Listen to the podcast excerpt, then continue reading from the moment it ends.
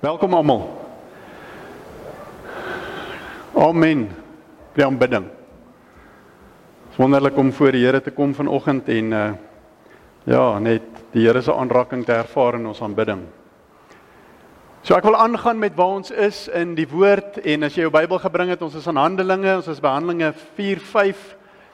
In verlede week het uh, Marius ons bedien met 'n wonderlike woord vanuit Handelinge 4:5 uit en dit het natuurlik gevloei na uh twee drie ander tekste toe. Ek mag dalk iets daaroor sê later. En ek wil volgende aangaan want ek wil iets met julle deel wat die Here vir my net gewys het en wat ek nie raak gesien het voorheen hier in Handelinge 4. Die Here het hierdie week my vasgehou soos aan kettinge en gesê nee, jy gaan nie aan nie. Ons gaan nie nou na 6 toe nie. Ons kom terug. Daar's iets in 4 5 wat die Here met ons wil deel.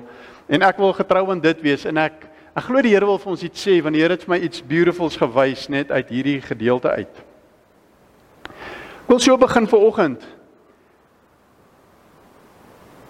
Ek is nie seker wat die woord is nie, maar ek wil jou die vraag vra, hoe lyk 'n jou ideale kerk? Dis dalk die beste woord. Hoe lyk 'n great kerk vir jou? Hoe lyk 'n stunning kerk? Hoe lyk dalk die kerk wat jou kerk is en wat jy sê hierdie is die beste kerk. Julle verstaan wat ek bedoel, né? Ek het nou nie 'n mooi woord vir dit nie want dis nie die regte manier om dit so te noem nie, maar ons het 'n geneigtheid om te sê dis my kerk en of ek hou van daai kerk of ek hou nie van daai kerk, ek het 'n sekere voorkeur of jissie, dis net wow by ons kerk. En iemand het ek het iemand die vraag gevra toe sê hulle man stunning kerk. So ek weet nie of iemand dalk 'n opmerking het, weet wat se tipe kerk kan ons dit noem nie. Maar kom ons sê dis 'n wow kerk vir jou. En wat ook al daai beteken. En ek vra die Here, ek praat met die Here oor dit want ons is besig om te kyk hier na die eerste kerk. Hoe lyk die prototipe van die kerk? So byvoorbeeld, as ons nou kan sê weet wat maak 'n kerk great? Dan weet goed wat ek dink mense sal noem is goed soos ehm um, daar's wonderlike prys in worship. Het ek ja. En jy weet die prediker kan hom preek. En die mense is vriendelik en hulle is welkomend. En 'n vier reën dalk is dat die Here is daar. Die teenwoordigheid van die Gees is daar. En ek wil nie my tema vanoggend maak hoe lyk 'n wow kerk nie. Ek wou dit doen en toe kom wys die Here vir my nee. My tema is: Hoe lyk die kerk wat Jesus bou? Hoe lyk die kerk wat Jesus bou? Ons is besig om te kyk na die kerk en ek vra die Here, Here wys ons hoe lyk hierdie kerk wat U bou? Praat met ons. Die Here het al met ons gepraat. Jy weet, wat is die goed wat ons raak gesien het? Verlede week praat Marius met ons uit uit uit hierdie gedeelte uit en daar uitkom byvoorbeeld die kerk wat Jesus bou is 'n kerk wat vrywilliglik hulle self opgee. Een van daai skrifte was aan die einde was Matteus 16:24 wat sê hy wat agter my aanloop moet sy kruis opneem. Ons moet vrywilliglik ons lewe neerlê en agter Jesus aanstap. Die week voor dit het die Here met ons kom praat oor die kerk wat hy bou is 'n kerk wat vrymoedig is. Ons is vrymoedig om oor Jesus te praat. Hierdie liefde wat ons vir hom het, hierdie liefde wat so brand, hierdie liefde wat hy vanoggend net weer so deur ons aanbidding kom net bevestig het in ons harte. Ons vrymoedig daaroor. So ek wil vanoggend met jou kom praat oor nog 'n eienskap van die kerk wat Jesus bou. Is musiek een van die goed wat die kerk was wat Jesus gebou het hier? As ons net miskien daai vraag vra. So, moet 'n kerk great worship hê om 'n wow kerk te wees? Het een van julle in Handelinge dalk dit raak gesien? Ek het nie. Is musiek belangrik? Want musiek is belangrik. Sal ek nou-nou daarby uitkom. Maar hier is iets anderste wat die Here my wys en ek wil dit graag met jou deel vanoggend uit Handelinge 4 vers 32. So ek wil hê jy moet teruggaan na na die woord toe in Handelinge 4 vers 32 en ek wil vir ons lees ehm um, tot 35. Terwyl jy jou Bybel oopmaak, kom ons vra die Here se seën op die woord vanoggend. Vader kom deel met ons elkeen. Die openbaring uit die woord uit, die lewende woord wat ons voed. wat ons lewe gee, waaruit ons leef, wat ons fondasie is. Here kom wees vanoggend net weer wow. Want Here Jesus, U is die wow in ons lewe, nie die kerk nie. U is die wow. Kom verheerlik Uself deur die woord vanoggend, Here. Daar staan in Handelinge 4 vers 32 En die menigte van die wat gelowig geword het, was een van hart en siel, en die een het gesê dat iets van sy besitting sy eie was nie, maar hulle het alles in gemeenskap gehad. En met groot krag het die apostels getuienis gegee van die opstanding van die Here Jesus, en groot genade was oor almal want niemand onder hulle was behoeftig nie. Want almal wat besitters van gronde of huise was het dit verkoop. En die prys wat verkoop is gebring en aan die voete van die apostels gelê. En aan elkeen is uitgedeel volgens wat hy nodig gehad het. Ek is seker julle ken hierdie gedeelte. Sou julle sê dat dit net wat ons hier lees was hierdie 'n kerk wat 'n wow kerk was? Het dinge hier gebeur Lyk of hulle onseker is. Ja. Dit lyk of hier dinge gebeur het. En hier is baie spesifieke uh gedeelte hier wat dit vir ons sê. Dit staan hierso en groot genade was oor almal. Daar was groot genade oor almal. Nou moet ons verstaan, onthou, hulle is deur genade gered. Hierdie gelowiges was almal deur genade gered gewees. Maar hier staan daar was groot genade oor hulle. Jy sien die genade van God, die goedheid van God, die onverdiende guns van God is elkeen sin. En hulle het dit ontvang en het iets hier gebeur en dit het uitgeloop op groot genade wat op hulle was. Johannes sê in 1 vers 16 genade op genade. Ons ontvang genade op genade. Maar ek lees net die skrif daar. En uit sy volheid het ons almal ontvang genade op genade. En dit is asof ons hier iets sien van hoe hierdie ouens in hierdie genade wat hulle ontvang het lewe en dan sien ons dat daar is 'n groot uitstorting van nog meer genade in hulle lewe. Genade beteken dat hierdie mense het vrede in hulle lewe gehad. Hulle het blydskap in hulle lewe gehad. Hulle het versorgd gevoel. Hulle het waardig gevoel. Hulle het tevrede gevoel. Dis asof ons sien dat hierdie mense almal hier almal op 'n plek was van wow, ek is gebless. Wie van julle het al gesê, "Jesus, ek is so gebless." En dan praat ons gewoonlik oor my kinders dalk of dit gaan goed met my besigheid en so en maar hier was iets anderste wat van gepraat was. Hierdie gemeente, hierdie mense in hierdie gemeente het almal 'n absolute genade, 'n blessing uit die hemel ervaar. En ek glo dit is wat die Here het vir ons, wat die Here het vir sy kerk. Maar hoe hoe het dit gebeur? Wat het gebeur hierso? En wat hier staan is die volgende. En die menigte van die wat gelowig geword het, was een van hart. Een van hart. Nou reg deur hierdie 4 hoofstukke tot nou toe, praat die Here net die heeltyd met ons oor eenheid. Dit begin reg daar in die eerste Handelinge 1. Ons sien daar vers 14, hulle het eendragtig gewees. Ons sien Handelinge 2 sien ons hulle was eendragtig saam gewees. En ons sien regdeur 3 ook eendragtigheid en ons sien ons sien heeltyd hierdie eendragtigheid maar nou kom hy hier in die 4 hoofstuk en hy praat van hulle was een van hart gewees. Hoe word ons een van hart? Jy weet, en en ek dink dat ons in die kerk om baie keer dit probeer meganies regkry. Hoe kry ons dit dat almal is een van hart? Ons wil graag hê hoor jy dat ons almal sal een wees. Maar ek glo dis nie iets wat mens kan programmeer. Want wat beteken een van hart? En wat ek sien hier so die Here wys my die volgende. Hier's die kruis.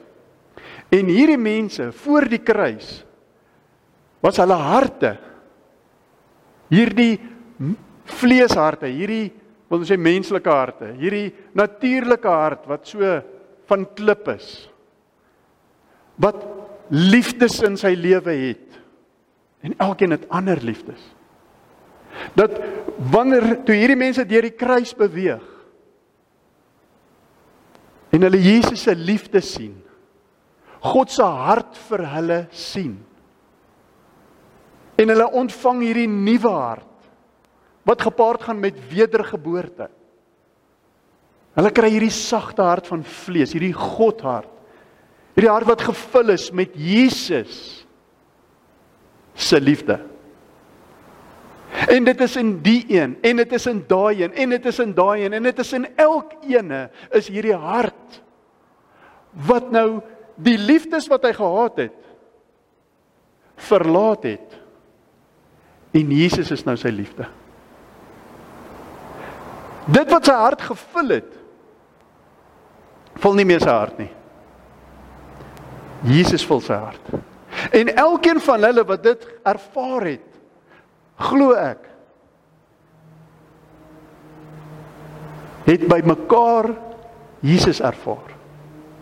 Jy sien wanneer wanneer ek toelaat dat Jesus my hart kom vol maak en jy toelaat dat Jesus jou hart kom vol maak. Ons daai selfe liefde in mekaar. En is dis wanneer hierdie eenheid gebeur. Soos 'n man en 'n vrou in die huwelik. Is dit nie Paulus wat praat van ek praat van Christus en sy bruid soos wat ek praat tussen 'n man en 'n vrou. Daar in Efesiërs 5. En soos die eenheid wat 'n man en 'n vrou kry, dis hierdie eenheid wat ons met Christus kry. Dat hy het gesê in Johannes 17, ek en julle en julle in my, dat hy kom bly in my. Sy Gees het gekom om in my te bly. Hy kom bly in my met sy volle kapasiteit, die hemelse genade, liefde, oorvloed alles hier binne in my en elkeen van hulle het dit ervaar. Ek stap in by Biokineticus 2 dae gelede. En ek het die man gebel van 'n foto af wat ek hom gesien het, nie geken het nie. En as jy my ken, sal jy weet ek is iemand wat my navorsing doen. Ek koop nie enigiets nie, ek doen nie enigiets nie en ek gaan nie na enige iemand toe nie. Vir alles wat kom by fisios en biokinetikuste. Ek is 'n ingeligte ouetjie. Ek wil net seker maak dis ou wat weet wat hy doen. Miskien is dit my agtergrond, nê, nee, wat my nie help nie. En ek stap in sonder dat ek die persoon ken en eintlik 'n paar ure voor dit het ek gedink, Jesus, ek weet nie of ek nou die regte ding gedoen het nie, want ek wil ek het nou hier in die donker geskiet. En ek stap in by die persoon en hy sit aan die ander kant. Ons ontmoet mekaar so in jy weet 'n kou, hoe's 'n COVID ontmoeting? 'n COVID ontmoeting in 'n spreekkamer is 'n koue ontmoeting. Want hy het 'n masker aan, ek het 'n masker aan. Hy sit ver, ek sit hier, jy weet in En 20 minute later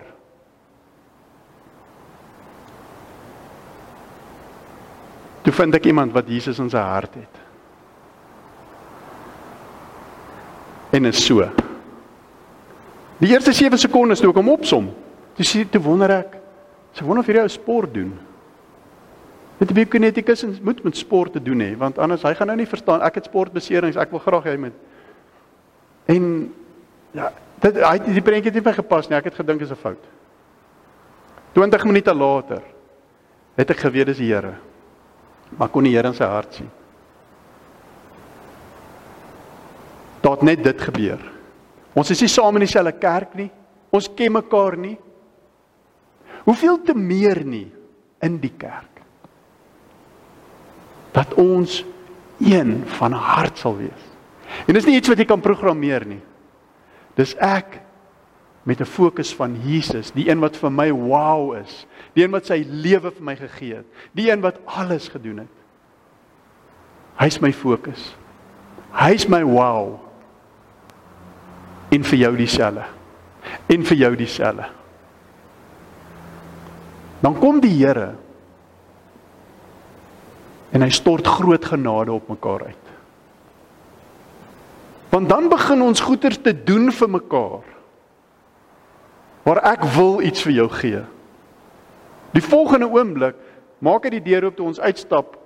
Maak hy die deur oop, hy so 6 voor 3, so hy's hierdie lente hierso en hierdie groot man staan nou voor my aan hierdie kant van my en dan gaan hy so uitstap en ek knip my ek het my oë geknip in 'n oomblik net daar. En toe ek oopmaak, toe my oog oop is, toe is hy nie meer voor my nie. En toe is hy op my voete. En toe bid hy vir my voete, want dis waar my fout is, voor ek uitgaan. Wanneer ons Jesus in ons hart het, wil ons dit wat ek het gee vir jou. Gee vir wie nodig het. En wat sien ons wat dit hier gebeur? Dan praat van dat hulle alles wat hulle gehad het. Niemand het meer gesê iets behoort aan homself nie. Wat is die volgende ding wat ons sien? Een van siel. Ons siel is tog my wil, my emosies en my intellek. So is die plek waar ek dink, is die plek waar ek beplan, is die plek waar ek strategie kry, is die plek waar ek my waar my wil in intree en sê goed, dis nou wat ek wil wat ek gaan doen.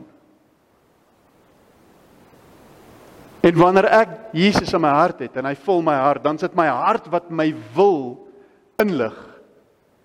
Hoor hierdie is nou wat ek wil doen. Dis Jesus wat my kom opvul en hy kom gee my rigting in my lewe en hy sê hoorie, ek wil hê jy moet na daai persoon uitreik. Hoorie, ek wil hê jy moet hierdie ding doen. Hy sê stil bly, gaan. Nie gaan nie. En nou tree my siel in. En wat ons hier sien is is dat hulle was een van siel gewees. En een van siel beteken tog dan dat hulle het elke ene dieselfde visie, doel, strategie, plan gehad.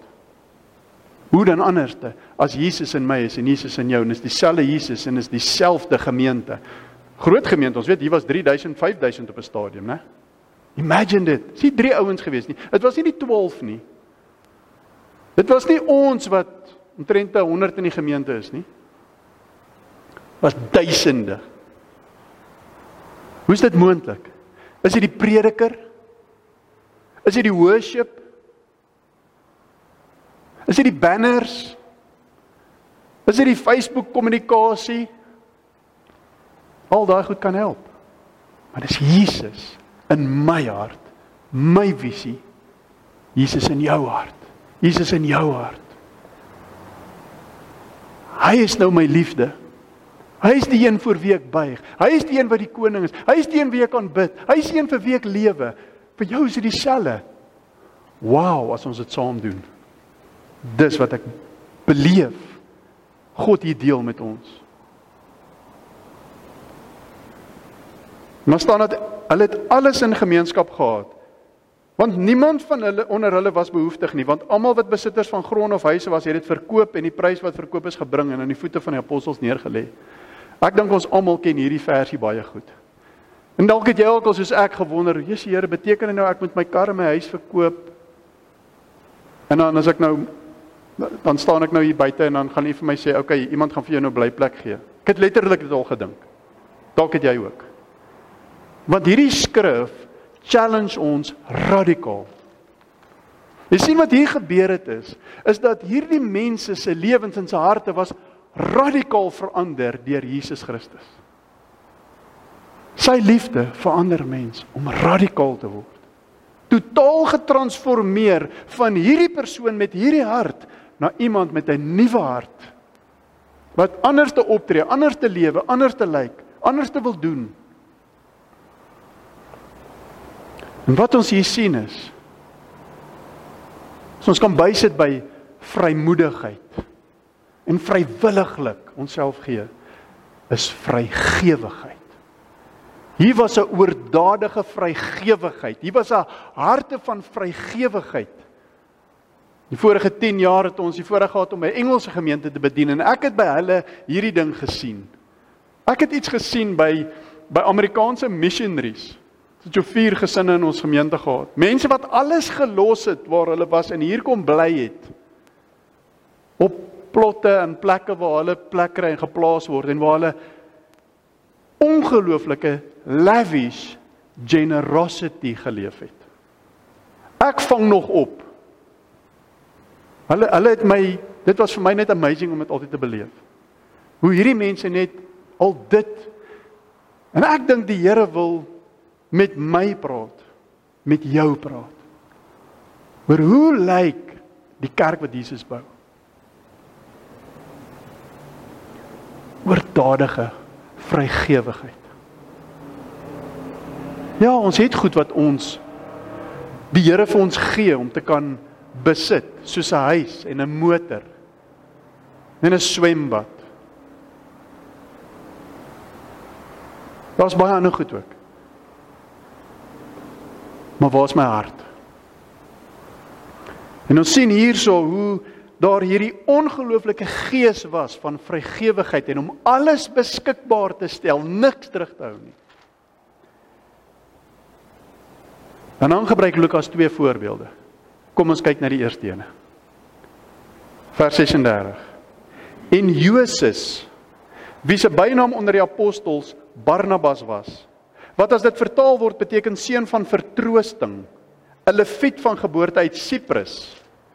Het 'n stuk grond gehad en dit verkoop en die geld gebring en aan die voete van die apostels gelê. Jy sien hierdie man. Sy naam is Josef. So in van die Engelse vertalings vertaal uh ouens dit Josef ook. So Josef en Josef, baie dieselfde naam, selfde grondwoord, is eintlik dieselfde naam. Maar hy het 'n bynaam gehad tussen al hierdie mense. Hulle het hom Barnabas genoem. Hy was die broer met die gawe van bemoediging. Hy het mense vertroos. Is het hulle die Afrikaanse vertaling gebruik? Maar in Engels is dit hy's 'n encourager. Hy encourage ouens wat down is. Hy is iemand as hy in jou omgewing is, as hy naby jou kom en dan dan word jy sommer so opgelig. Dis 'n gawe van die Gees wat in mense is, wat deel is van die gemeente wat God bou. Watter gawe is daar wat die Heilige Gees deur jou in sy gemeente wil bring? Wat is die gawes wat die Here het vir ons? Ons moet wees sensitief vir die Heilige Gees. Maar in hierdie geval, hy was iemand wat 'n wat 'n bemoedigende persoon was. En hierdie man was 'n leviet gewees van geboorte. Dit beteken hy kom uit die levitiese stam, die Israel en 12 stamme kom uit die levitiese stam en die levitiese stam weet ons vanuit God hoe hy die die stamme opgestel het en die wet en die hele tabernakel en hoe die die die hele stelsel gewerk het rondom Israel. Mag leviete nie grond geërf het nie. So hulle was nie ouens gewees wat eintlik grond gehad het nie. Maar hy het gehad.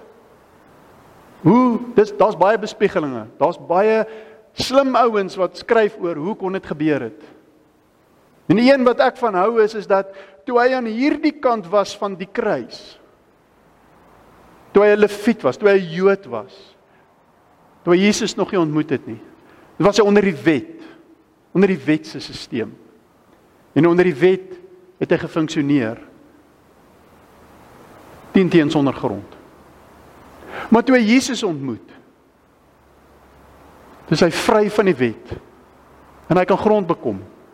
En ons weet nie hoe lank is hierdie tyd van dat Jesus nou opgevaar het en wanneer hierdie kerk se geskiedenis wat ons so lees in hierdie hoofstuk. Dit is dalk 'n paar maande, dis dalk al 2 jaar verder. En hy het grond bekom. So hy was dalk iemand gewees wat nooit die potensiaal kon gehad het vorentoe om grond te hê nie. En hy kon grond kry en hy het grond gehad. Maar Jesus Jesus in sy hart aan hierdie kant van die kruis.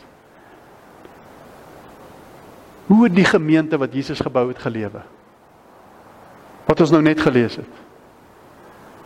Hulle het so gelewe. Alles gegee. Dit was mos nou maklik of die regte ding gewees om sien man, dalk is die grond in Siprus gewees. Niemand sou geweet het nie. Apple is so 'n bietjie van 'n pensioentjie. Maar hy het dit nie gedoen nie. En hy het die grond verkoop en hy het die geld gebring en hy het al die geld staan daar voor die voete. As as ek nou buig gaan baie mense sien nie, maar ek sien hy het gebuk en voor die voete van die apostels kom neer lê sien ek dit. Dit is so beautiful. En dan is daar 'n tweede man vers 1 van hoofstuk 5. Maar 'n sekere man met die naam van Ananias het saam met sy vrou Safira eiendom verkoop en ook met die medewete van sy vrou van die prys teruggehou en 'n sekere deel gebring en aan die voete van die apostels neergelê. Toe sê Petrus: Ananias, waarom het die Satan jou hart vervul om vir die Heilige Gees te lieg en van die prys van die grond agter te hou? As dit nie verkoop was nie, het dit nie aan joune gebly nie. En toe dit verkoop is, was dit nie in jou mag nie. Waarom is dit dat jy hierdie saak in jou hart voorgenem het? Jy het nie vir mense gelieg nie, maar vir God. En toe Ananias hierdie woorde hoor, het hy neergeval en gesterwe en 'n groot vrees het gekom oor almal wat dit gehoor het. 'n Kerk wat Jesus bou, is ook 'n kerk wat die vrees van die Here in is. In die kerk wat die Here bou. Vra vir die Here. Ek sê Here, ek ken nou hierdie gedeelte baie goed en ek het nog altyd gewonder hoe was dit dat U so radikaal was? Dat hierdie twee mense en ons weet sy vrou het op hom gevolg 3 ure later, selfe vraag gevra. Ja, sy het gesê dit is soveel geld en sy is ook dood. Hoekom? En die Here wys my.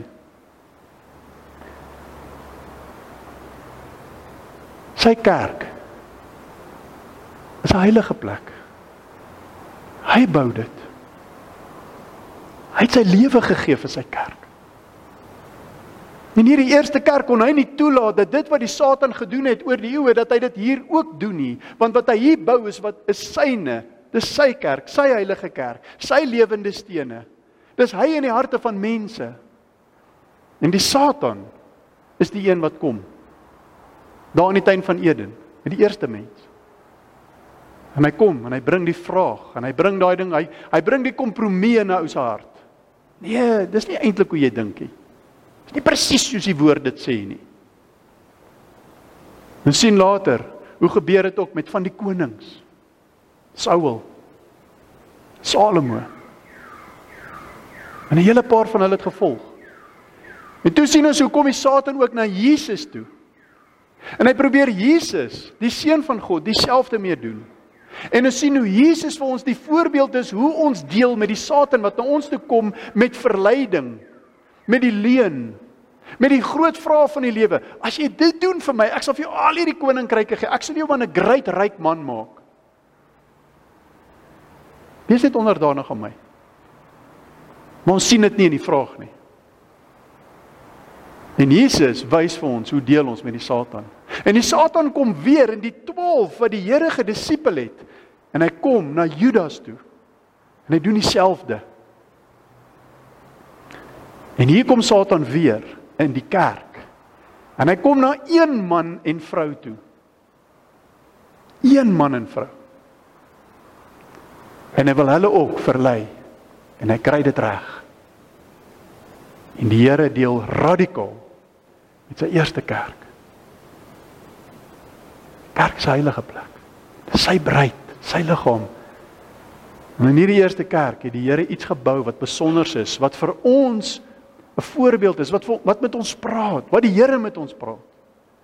En in hierdie twee mense sien ons se twee voorbeelde amper van hoe kan ons in die kerk voorkom? Hoe kan ons 'n skyngodsdienst dalk hê? Jy weet, nee, ek bring iets, hier's dit. Net hulle het hom iets gebring. Hulle het ook gedoen wat die ander gedoen het. Hulle het ook grond verkoop. Hulle het ook gebring. Hulle het ook by die voete gelê staan daar. Maar daar was iets nie reg in dit nie. Laat die Here met my praat. Laat hy met jou praat. Die kerk wat die Here bou is 'n kerk na Jesus se beeld. Jesus plus niks. Jesus minus niks. Wanneer ons kyk na 'n gedeelte in die woord, dan moet ons altyd vir Jesus soek. Want Jesus is die woord. Jesus is die waarheid. Jesus is die een wat ons oplig. Jesus is die een wat ons hart wil kom vul uit die woord uit. En in hierdie gedeelte is Jesus so beautiful want hy is die ware Barnabas. Jesus is die voorbeeld van hoe ons in die kerk Barnabas is die voorbeeld van hoe ons in die kerk moet leef. Hy is 'n tipe van Jesus vir ons in hierdie gedeelte. Is hy nie die Barnabas? Is hy nie die seun van vertroosting? Hoofletter. Is hy nie die seun, die groot bemoediger in ons lewe wat ons bemoedig, wat ons vertroos in elke situasie in ons lewe nie? Is hy nie die een waarvan Barnabas kom en waaruit hy gebore is en wat hy nou ook 'n seun van vertroosting is nie? Jesus is die vertrooster. En hy het die trooster in ons hart gegee, by the way. Ons het hom altyd by ons. Jesus kan ons so duidelik aan Barnabas sien. Barnabas het gekom van 'n ver eiland af na daai plek toe. Jesus het van 'n ver plek gekom na daai plek toe. Jesus het alles kom neer lê by ons voete. Hy het ons kom bedien met alles en hy het ons kom deelagtig maak van alles. Hy hou niks terug van ons, leer die woord ons nie. Ons het genade op genade van hom ontvang. Ons is gebles, gebles. Paulus skryf in in uh, Efesiërs 1 vers 13, begin hy die brief mos so en hy sê daar Geseënd is God en Vader van ons Here Jesus Christus wat ons geseën het met alle geestelike seënings in die hemele in Christus. Ons harte is gebless. Is geseën, is vol van hierdie liefde, van hierdie God van liefde en alles wat hy vir ons gegee het. Hoe sal ons dan lewe met dit wat hy ons gee? En dan sluit ek in by hierdie, as ek nou daaroor gaan dink in ons tyd. Dis nie net my goed nie. Dit is my talent. Dit is die gawe wat hy my ook gee. Barnabas is ons 'n voorbeeld van iemand wat dit so geleef het, hy het 'n bynaam gekry van dit.